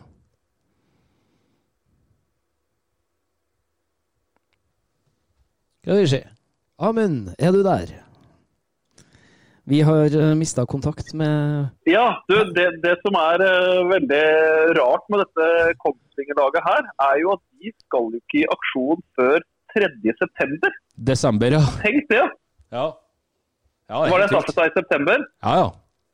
Ja, nei, jeg mener så klart uh, eh, 3.12. Og ja, man kan gjerne si at da har man muligheten til å slikke sår hjemme på Kongsvinger og terpe, terpe, terpe på ting. Men man kommer helt ut av, eh, ut av matchmodus, da, selv om man nå skal uh, arrangere en treningskamp mot, uh, mot Hekken i Sverige, da, i Göteborg. Noe jeg tenker er, er veldig smart for Kongsvinger. Men det er veldig spesielt. Altså, når vi går nå inn i en landslagspause, så skal de andre kvalikkampene få gjøre seg ferdig før Kongsvinger skal til skal til eh, dyst. Start tapte jo sin, eh, sin, kamp i fjor, når de var på tredjeplass mot, eh, mot Kongsvinger. Så jeg er veldig spent på hvordan dette her utarter seg. Men jeg sitter jo også litt sånn med tanke når Vi ender opp med de to opprykkslagene som vi fikk. Fredrikstad fullt fortjent, full klaff for Michael Thomassen. Men hva i granskauen er det Kongsvinger, Kristiansund og Start tenker om at bitte lille KFUM Oslo passerer de og tar denne direkte opprykksplassen, med tanke på at vi vet hvor mye penger som er i mm, omløp i norsk fotball nå, med nye medieavtalen. og Vi ser en gryende interesse på tribunen ser vi i Eliteserien. Det å komme seg opp i Eliteserien, det er så utrolig lukrativt. og at eh, Kongsvinger, Kristiansund og Start ser at KFUM går forbi det og tenker liksom hva i pokker skjedde i 2023-sesongen. Ja, sant. Fordi at det som uh, faktisk skjedde i 2023-sesongen, var jo at, uh, som nevnt, Kongsvinger ender på en tredjeplass med, med 52 poeng. Og, og uh, må, som du sier, vente faktisk helt til desember for å få lov til å spille sin kvalifiseringskamp.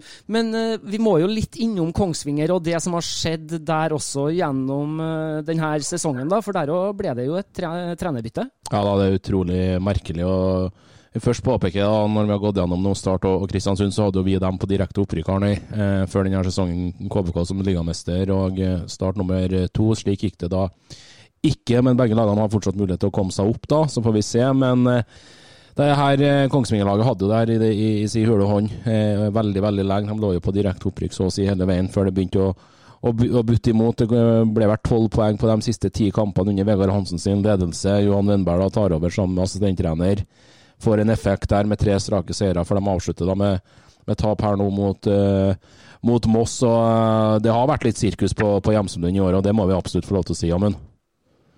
Ja, men det sirkuset er veldig selvforskyldt, tenker jeg. Når man uh når man inviterer inn Vegard Hansen. Og Vegard Hansen og Espen Nystuen er jo på en måte to eh, fotballhoder som tenker veldig forskjellig. Så kan man jo drodle frem og tilbake om det er eh, riktig. da, Å ha to, spillere, det er to personer som tenker veldig forskjellig. Kanskje det blir en fin gyllen middelvei der, men det, det ble det jo dessverre ikke i det hele tatt. og Jeg ble veldig overraska når eh, Kongsvinger eh, gikk for uh, Vegard Hansen. Men så begynte ting å putre og gå. Du så de signerte en del spillere. Det her skulle det virkelig satses i Kongsvinger. Det så jo lenge ut til at, at Kongsvinger og Vegard Hansen bare rett og slett skulle ljome gjennom Obos-ligaen og ta turen opp til Eliteserien. Men det ble bom stopp. Altså. Men så er det jo så klart veldig viktig å påpeke at denne tredjeplassen, da er man veldig nære denne dobbeltkampen mot uh,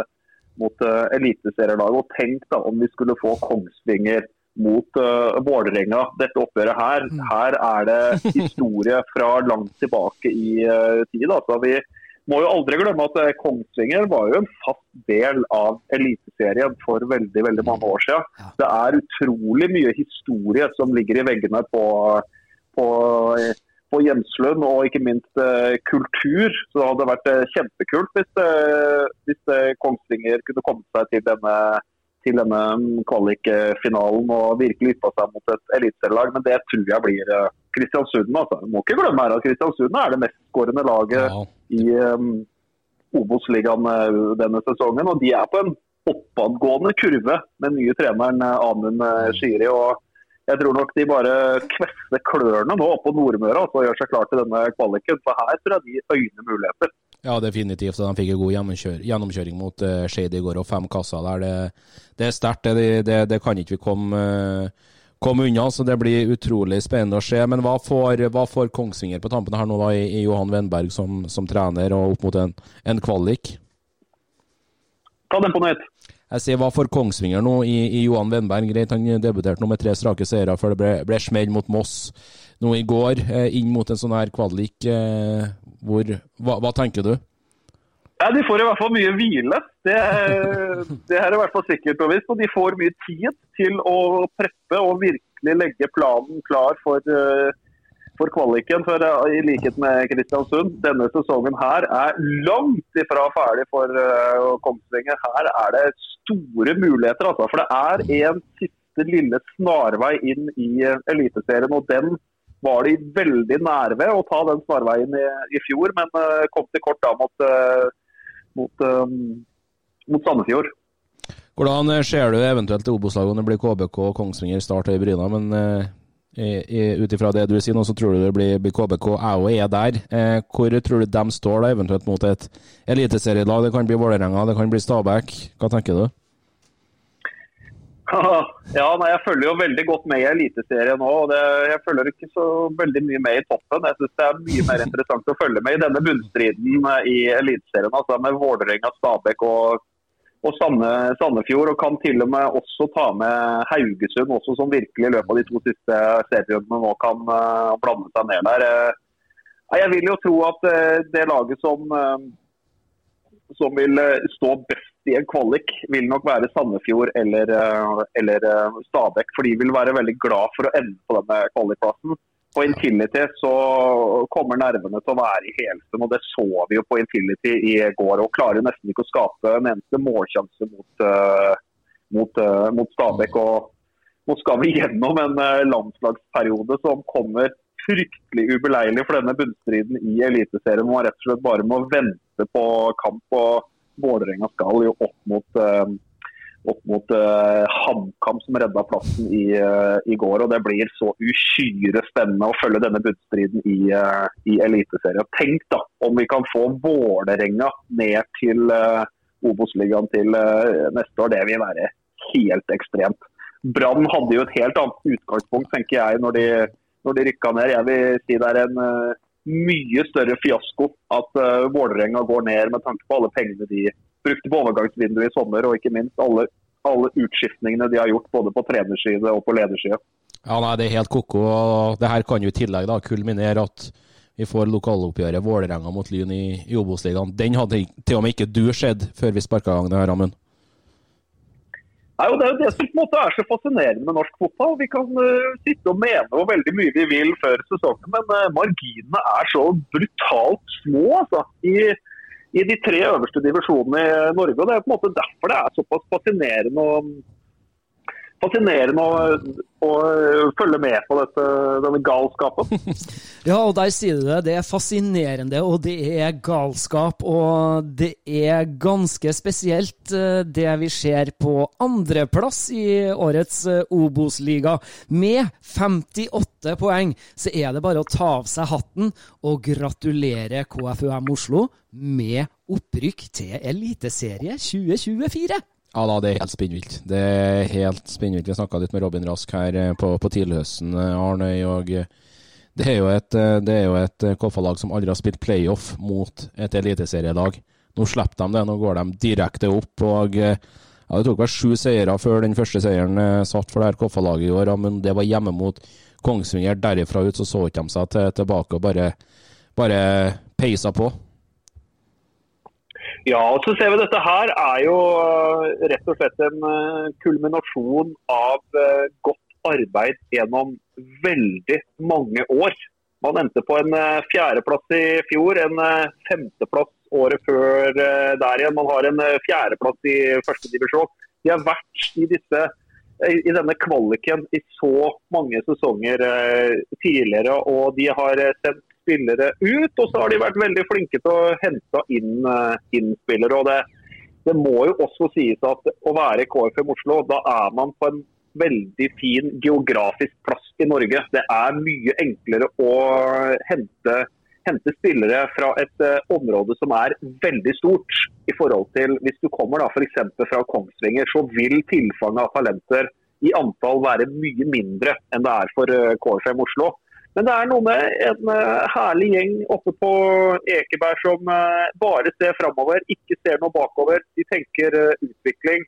Johannes Mosgaard hadde aldri vært hovedtrener på såpass høyt nivå før årets sesong. Fikk en brutal start på, på, sesongen. Vant vel ikke før i runde syv eller, eller åtte. Syv ja. Hadde det, ja, Hadde det vært et, eh, et annet lag, hadde det vært Michael Thomassen f.eks., så ikke sikkert han hadde vært Fredrikstad-trener.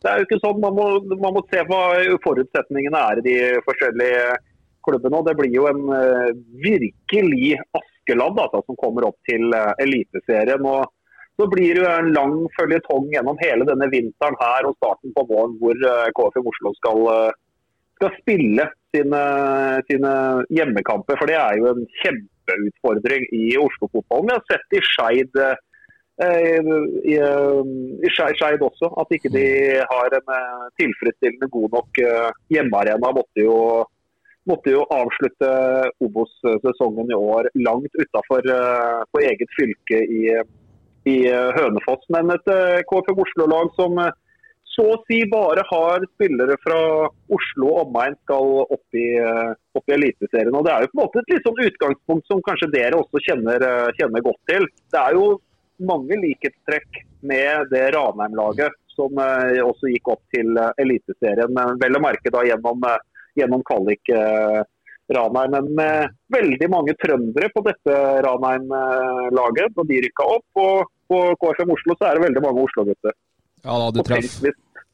Ja, og tenk hvis KFM Oslo skal være det eneste Oslo-laget fra hovedstaden til Norge. Den desidert største byen skal ha et uh, lite bydelslag som er mest kjent for å spille hjemmekampene sine på en uh, fotballturnering for aldersbestemte lag.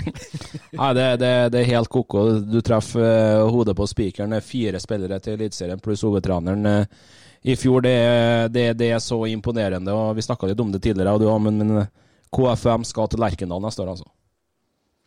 Ja, tenk det. De skal til Lerkendal, de skal til eh, Brann stadion. Selv om de var der i fjor, vel å merke, da, mot, uh, mot, uh, mot Brann. Nei, de, de, skal til, de skal til Sarpsborg, de skal til Drammen, de skal til disse store, kjente arenaene i Norge tur etter tur til neste år. Det er kjempeimponerende. Men vi har vel sjelden hatt et mer klink tabelltips, 16.-plass i Eliteserien, enn KFM Oslo til neste år. Jeg blir overraska om eh, noen av mediene rundt om i Norge som har eh, KFM Oslo på noe annet enn eh, en 16. 16. plass. Så jeg satt og tenkte litt på det. Det ville egentlig vært veldig morsomt hvis, hvis TV 2, NRK og Nettavisen og Driblevekk og hele sulamitten hadde tippa de på en 8.-9.-plass. Da ser jeg for meg de hadde egentlig blitt ganske stressa i KFM Oslo hvis, hvis de hadde vært tippa på noe annet enn 16.-plass. For de er nok veldig forberedt på å være på et 16.-plass.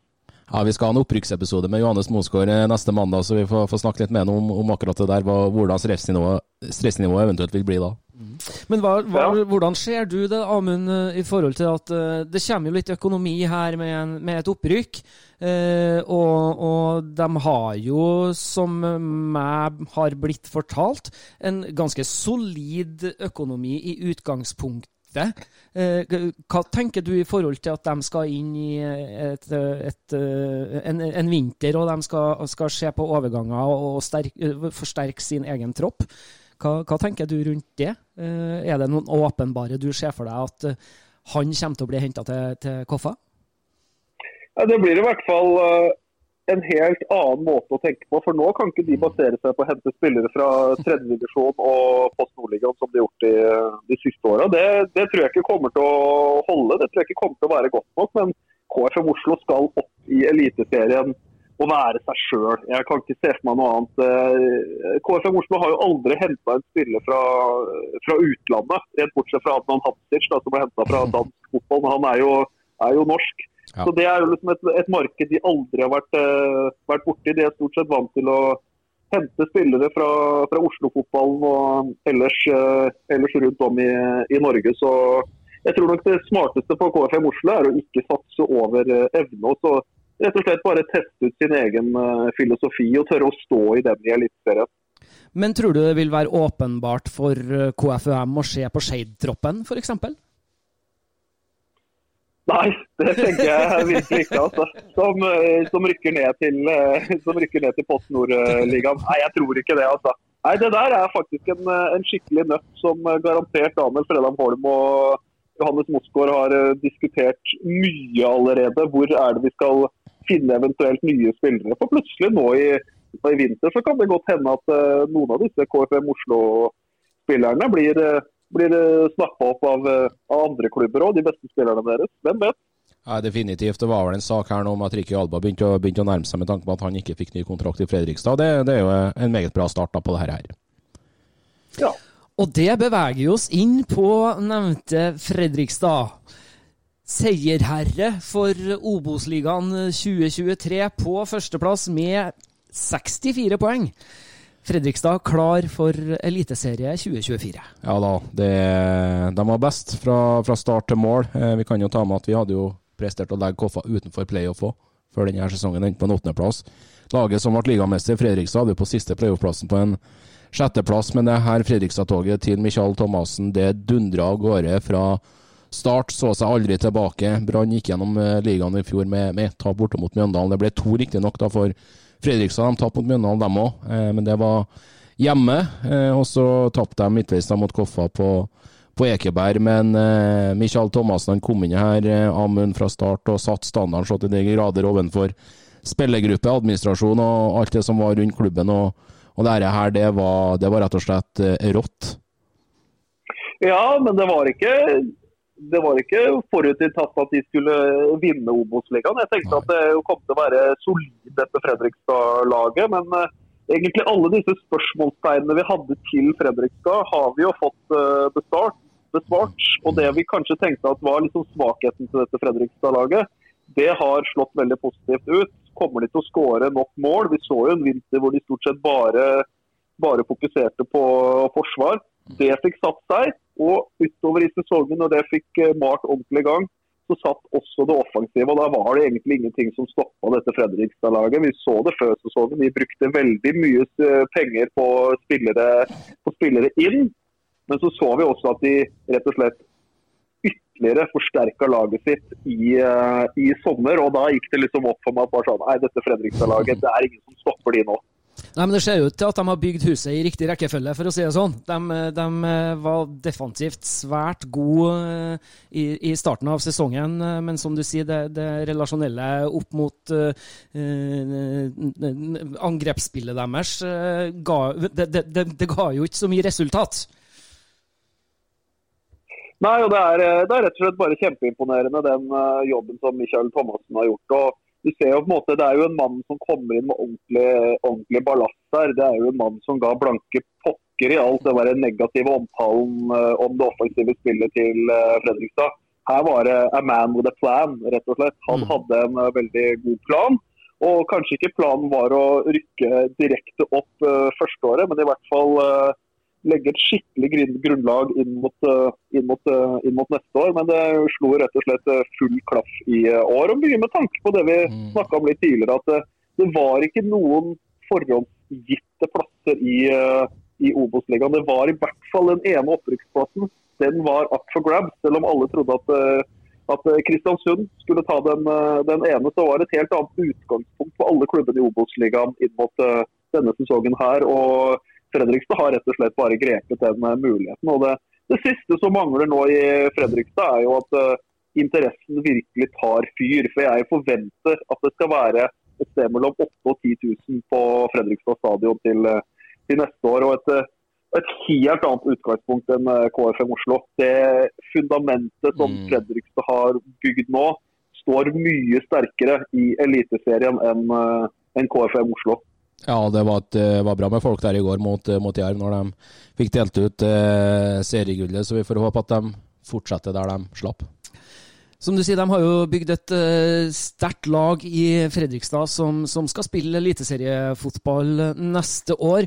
Vi hadde jo besøk av Joakim Heier her tidligere, og, og, Trond Halvorsen på Twitter har han spurt oss det her spørsmålet. Ifølge Heier skal FFK forsterke laget med fire-fem kvalitetsspillere. I hvilke posisjoner bør det forsterkes, og hvem bør hentes? Du kan få velge hvem du vil fra Obos og Eliteserien. Hilsen en skikkelig FFK-patriot. Jeg syns hvem alltid er veldig, veldig, vanskelig, men jeg tenker at de må forsterke seg på, på keeperplass. Og så må de få en langt bedre bredde i, i dette laget her. Og så må det inn uh, offensive spillere. Der er det faktisk en del spørsmålstegn at de har hatt Oskar Aga på lån, Lukas Lima er lånt ut. Er det en spiller de vil satse på i Eliteserien? Og, nå står jo så klart Fredrikstad i en helt annen posisjon når de skal eh, forhandle med, med, agenter og med, med, spillere når man har en uh, eliteserieplass å tilby i en uh, historisk stor klubb som det kommer til å være veldig masse nasjonal interesse rundt uh, til, til eh, neste år. Men eh, spillere i alle ledd tror jeg må inn i Fredrikstad. Og Det er jo på en måte alltid det som er litt sånn kinkig når man rykker opp med et lag fra, eh, og et lag som har vært i den divisjonen i flere år. Er disse spillerne her gode nok for, for, for Eliteserien? Er det, tar de det neste steget her? Er Bjørtalid Kommer han til å bli en så stor profil i Eliteserien? Det er kjempevanskelig å måle. Vi tenker kanskje i utgangspunktet at hvis du er dritgod i Obos-ligaen, så er du automatisk også en god, eh, god eliteseriespiller. Men det, det er et helt annet eh, tempo, det er en helt annen uh, kamphverdag du møter i uh, Eliteserien. Så det er, det er kjempespennende. Og så er det jo sånn som det er i, er i fotball. Ja, det er fryd og gammen i Fredrikstad nå. Treneren roses opp i skyene. Tre tap på de tre første kampene i neste sesong. Da er alt snudd på huet igjen med en gang. Det er liksom, Man lever og ånder inn mot, uh, inn mot hver eneste kamp i, uh, i, i, i fotball. Bare se på Vålerenga nå, hvor vanskelige innganger de har til hver, hver eneste kamp når man er i en negativ spiral totalt motsatt i Sandefjord, som er så høytflyvende nå etter, etter to seire på rad. Og Det er jo noe helt annet å starte mandagen hvis du har tapt på søndagen, enn hvis du har vunnet. Ja, det, Det er to helt vidt forskjellige verdener. det er jeg så enig med deg i. ikke sant? Når har kommet inn i den berømte spiralen at du knapt vet hva vinner vinne fotballkamper er, ikke sant? Da, det, da er det vanskelig å, ko, å komme inn på den tanken igjen. og Det, det er jo litt der, eh, der Vålerenga er nå. Så får vi se hvordan det bærer seg av gårde for de to opprykkslagene fra Obos-ligaen neste sesong. Du sier det jo sjøl i forhold til den usikkerheten rundt uh, en del spillere her da i, i Fredrikstad. Um, de har jo en uh, eliteseriespiller på lån, som du sier, i Oskar Aga. Uh, hvor, du, hvor, hvor stor sannsynlighet tror du er for at de kanskje ønsker å tilknytte seg han på fast basis?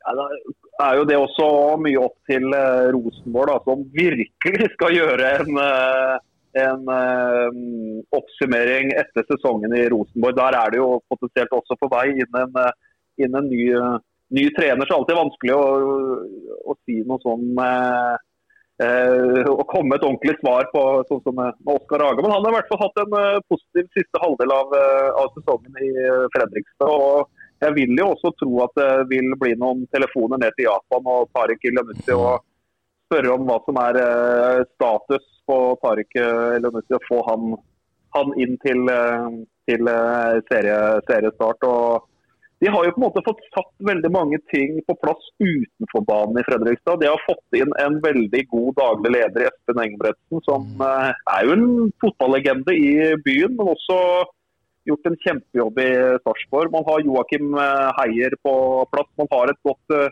godt trenerteam med Michael Thomassen og, og Andreas Hagen. Så forutsetningene for at Fredrikstad skal eh, levere godt i Eliteserien til neste år, de syns jeg faktisk er ganske store.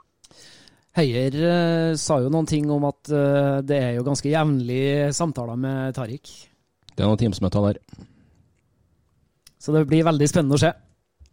Ja, det er jo byens store, store fotballsønn. det Altså, så Å få Tariq tilbake ville jo vært kjempekult. Ikke bare for Fredrikstad, men også for, for Eliteserien. Definitivt. Det ligger noen sesongkortsalg eh, i det navnet der. Det, det kommer man ikke utenom. Det betyr at vi har gått gjennom eh, tabellen sånn som den ble, opp mot det tabelltipset vi hadde. Endte med at vi fikk tre rette, Arnøy. eh, I syvendeplass med Sogndal, ellevteplass med, med Sandnes Ulf og tolvte med, med Åsane. Så får vi se da om det blir bedring da til, til neste år. Absolutt. Eh, vi må jo spørre deg da, Amund. Hvem tror du at eh, det her eh, Obos-ligalaget skal spille eh, kvalifisering mot eh, av eliteserielagene?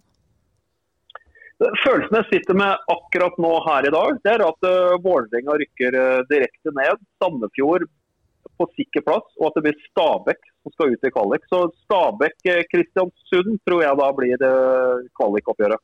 Ja, det blir i hvert fall et vidåpen fotballkamp. Okay. Ja, det blir helt nydelig. Det gjør det. det gjør det. Eh, litt sånn avslutningsvis her, da, Amund. Eh, årets skuffelse for deg i Obos-ligaen. Du kommer vel ikke unna Jerv? Nei, Jeg hadde lyst til å svare Kristiansund, men uh, når uh, Jerv leverer den sesongen de gjør og rykker direkte ned, så er det soleklart den største negative overraskelsen i Obos-ligaen. Den, den, positive det syns jeg absolutt er Thomas Myhre og Moss som kommer, kommer topp ti som nyopprykka med tanke på den økonomiske situasjonen de står i. Toppskåreren han endte opp eh, i Kristiansund. Det var det han var henta hjem, eller hjem og hjem, men henta andre periode i KBK for, nemlig Benjamin Stokke. Han tok Samuel Pedro på målstreken med at han skåra to mot eh, Skeid i går. De var på 14-14. Endte opp på 16 mål. Benjamin Stokke, tror du han fortsetter i KBK hvis det ikke blir opprykk til Eliteserien?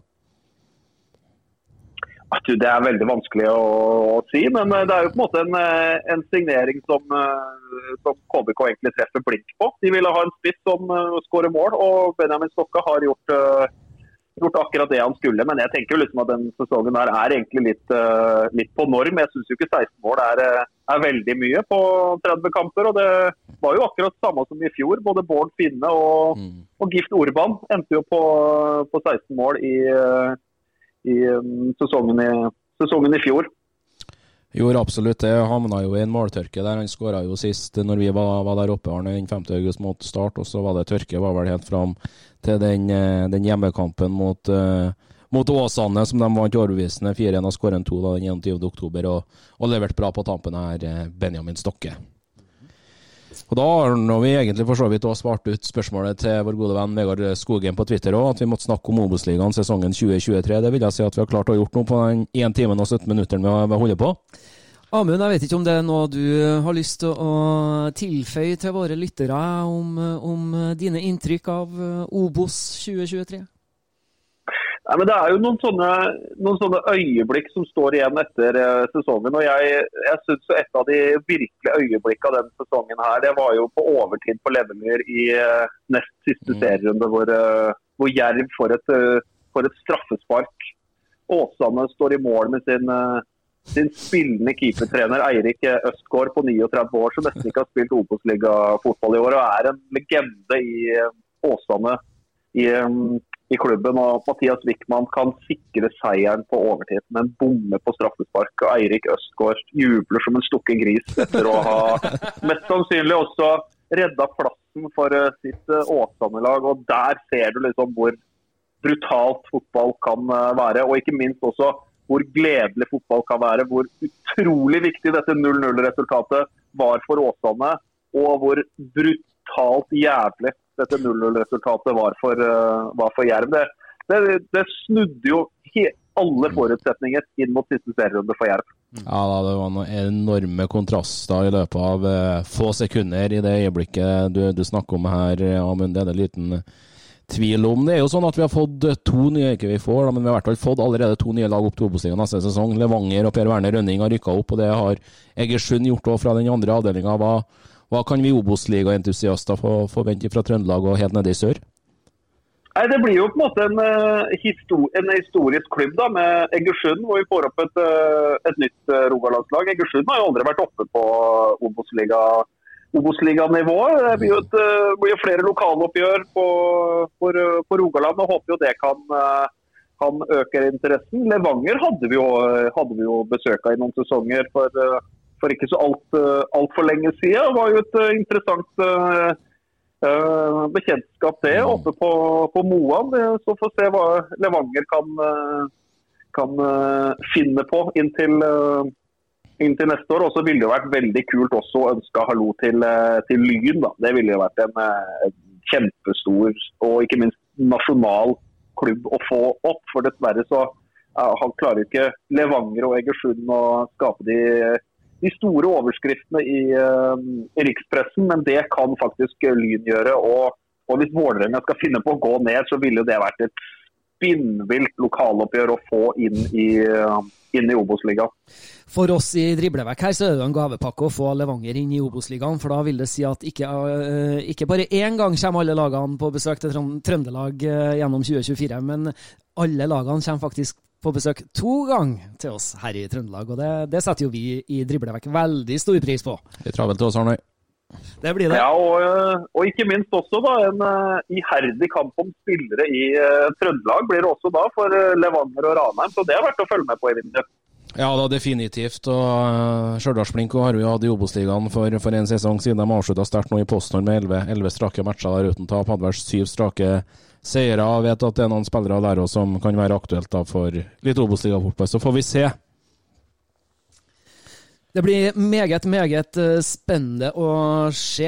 Vi eh, skal si tusen hjertelig takk, vi Amund, for at du tok deg tid til å være med oss på en eh, oppsummering av Obos 2023.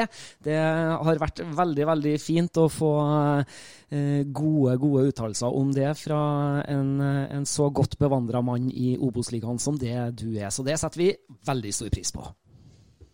Ja, men Det er alltid veldig, eh, veldig interessant å bli invitert og, og prate Obos-liga. Det er jo, er jo, kjempemoro. Så ser vi at det er en, det er en stigende interesse for uh, Obos-ligaen. det er, jo, det er jo som vi har sagt en million ganger før, det er en kokosliga som er utrolig morsom å følge med på. hvor uh, Du ser jo disse tabelltipsene som vi leverer før sesongen, er jo ikke i nærheten av å stemme med det fasen til slutt, til slutt blir. og Det er jo det som også er det desidert morsomste. Her kan virkelig alt eh, skje. Og så må folk der ute glemme, ikke glemme at det er fortsatt en del kvalikkamper igjen før vi går inn i en lang Obos-tørke gjennom vinteren og, eh, og tidlig, tidlig vår. Så jeg anbefaler alle å, å ha abonnement på, på TV2 Play, da, så man får uh, fått med seg denne, denne kvalikavslutningen. Og ikke minst også da, se hvilket lag fra Eliteserien vi skal eh, få ned. Ålesund er jo allerede nede. Kanskje vi til og med også får, eh, får besøk av eh, både Stabæk og Vålerenga i, i Obos-ligaen til neste år. Når vi har kommet godt ut i adventstida, så skal vi slå på tråden vi før oppgjøret mellom KBK og Stabæk. Ja, bare å gjøre det. Veldig bra. Nei, men eh, Hjertelig takk, eh, Amund. Og så ønsker vi deg en eh, riktig fin fotballhøst videre. For jeg kaller det høst ennå, for det har ikke kommet snø i Trøndelag. jo, tusen takk for det. Takk for besøket. Ha det godt. Ha det. Ha det. Drible, drible, vekk, drible, vekk, drible, drible. Yes, da har vi holdt det gående i snart eh, en og en halv time vi, med en eh, fin, fin oppsummering av eh, Obos-ligaen 2023. Litt om forventningene våre til kvalifiseringsmatchene som også nå skal spilles da frem mot jul. Ja da, det, det, er jo sånn sett at sesongen er jo ikke over, som Lutens sjøl sier her. og Det er bare så synd at vi må, må, vente litt før vi kommer i gang med det. men det er ikke noen tvil om at det er en fordel å holde i gang. og Da er det jo sånn at det Bryne og Start som starter i Kristiansand den 25. november. Og så får vi se da hvordan eh, løpet her går. Men eh, jeg og personlig har KBK da som en favoritt da, som får muligheten til å spille mot et eliteserielag i playoffen. Det vil eh, vise seg når vi har kommet så langt på kalenderen vår. Vi må rette en eh, spesiell takk til alle våre kjære lyttere som har fulgt oss eh, gjennom denne eh, sesongen av Obos-ligaen. Vår aller, aller første sesong som, som dedikert Obos-ligapodkast. Mm. Setter veldig stor pris på at dere lytter, og håper selvfølgelig at dere vil følge oss videre frem mot jul gjennom kvalifiseringa, men også da videre gjennom vinteren, hvor vi har tenkt å holde det gående. og og snakke videre om Obos-ligaen. Ha med oss eh, interessante gjester og, og eh, belyse de ting som belyses kan. Og kanskje, kanskje på nyåret så tar vi oss en tur til varmere strøk og følger med litt der òg. Ja, deilig. Bli med. Jeg òg. Vi eh, må anbefale en tur innom Nettavisen sine Obos-sider. Det heter obosligaen.na.no. Og så en eh, takk til våre samarbeidspartnere Hufs og Stjørdal Autosag, som også har fulgt oss gjennom eh, denne sesongen. Det setter vi stor pris på. Vi er fortsatt på sosiale medier, både på Twitter og Instagram, så følg oss gjerne der. Vi heter Driblevekk. Da vet ikke jeg om det er så mye mer å tilføye i dag? Dag? Nei, jeg syns det oppsummerte bra. Det ble ny rekord på episode. Begynner å nærme oss en og en halv time her. Men eh, det er deilig å ha med seg Obos-oraklet Amund Lutnes som ja, leverer prikkfritt, som han alltid gjør. og det, nei, det her var bra. Jeg tror og håper at de fleste der hjemme som har hørt på oss og hører på oss, har fått de svarene de håpa på, og at vi har oppsummert dette her eh, på en, på en grei måte. da. Så absolutt. Vi vil ønske dere alle sammen ei riktig god fotballuke, og så er vi da tilbake neste mandag, vi, med eliteserieklare KFUM-trener Johannes Mosgaard. Det gleder jeg meg skikkelig til. Vi takker for følget og sier hei då. Adios. Drible, drible, drible, vekk, drible. Drible,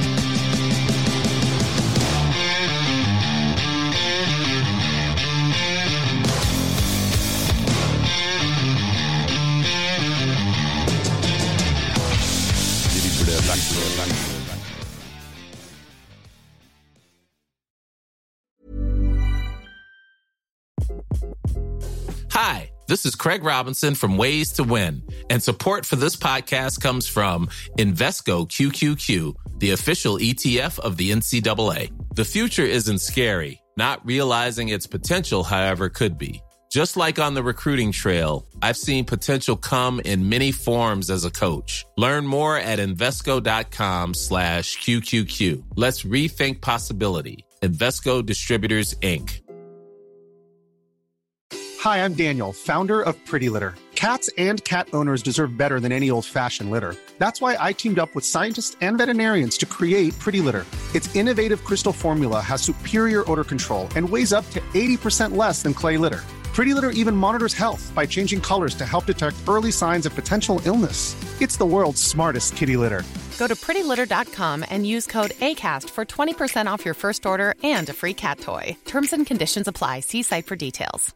Mom deserves the best, and there's no better place to shop for Mother's Day than Whole Foods Market. They're your destination for unbeatable savings, from premium gifts to show-stopping flowers and irresistible desserts. Start by saving 33% with Prime on all body care and candles. Then get a 15-stem bunch of tulips for just $9.99 each with Prime. Round out Mom's menu with festive rosé, irresistible berry chantilly cake, and more special treats. Come celebrate Mother's Day at Whole Foods Market.